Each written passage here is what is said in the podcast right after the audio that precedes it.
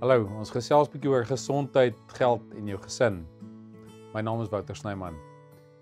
Nou, dis nie altyd dat ons saam hierdie hierdie onderwerpe saam bespreek nie en ek dink is tog belangrik in in die hedendaagse terme. Nou finansiële beplanning soos wat ek en jy dit ken het al so 125 jaar terug ontstaan. Toe Otto von Bismarck in Duitsland besluit het om die eerste pensioenfonds van sy soort um in werking te stel.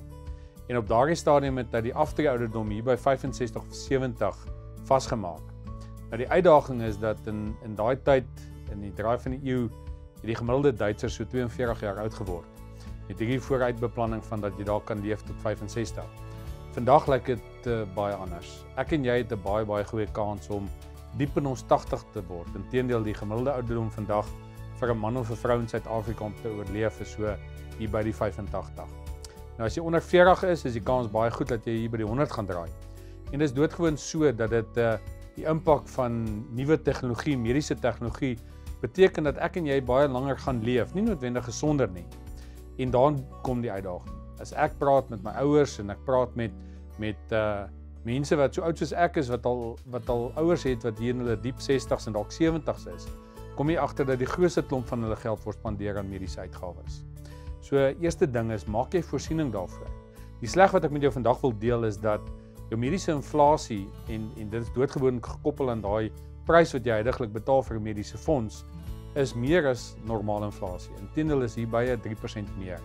So as huidige inflasie hier om en by 6 of 7% is, beteken dit dat jou mediese inflasie gaan styg teen 10%. So as jy baie mooi in jou gedagtes begin dink dat kom ons sê jy betaal heidaglik R5000 vir 'n mediese fonds. Binne die volgende 7 jaar gaan daai gaan daai premie verdubbel. En elke 7 jaar daarna, so as jy nog 'n 20 jaar het tot aftrede, beteken dit daadwerklik dat jou mediese fonds premie met 5 of 6 keer kan verdubbel. Beteken as jy nou 5000 betaal, gaan jy by die 40000 rand begin betaal op aftrede. En het jy voorsiening gemaak daarvoor? En is doodgewoon so dat die tyd wat jy die mediese fonds 10 10 in die nodigste het, is in daai aftrede ouderdom. Begin dadelik met 'n paar rand wegsit suiwer net vir jou mediese fonds. Vergeet van die res. Die tweede vraag wat jy moet beantwoord is: is ek op die regte mediese fonds? Dat dit is doodgewoon so as jy jonk en gesond is, kan jy wegkom met 'n kernplan wat wat nie 'n spaarrekening insluit nie, is doodgewoon net 'n hospitaalplan, dek net jou hospitaaluitgawes. Vir die oomblik as jy jong kinders begin kry, dan kom die grommets en die oorpyn en en alles wat daarmee saamkom.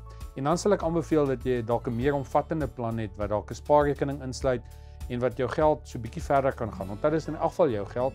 Die meeste nuwe generasie mediese fondse maak voorsiening dat jy 'n spaarrekening komponent kan bysit, maar dit is jou eie geld. So as jy self kan spaar en geldjies wegsit, doen dit gerus. Dan is daar iets wat genoem word gap cover of vergapingsdekking.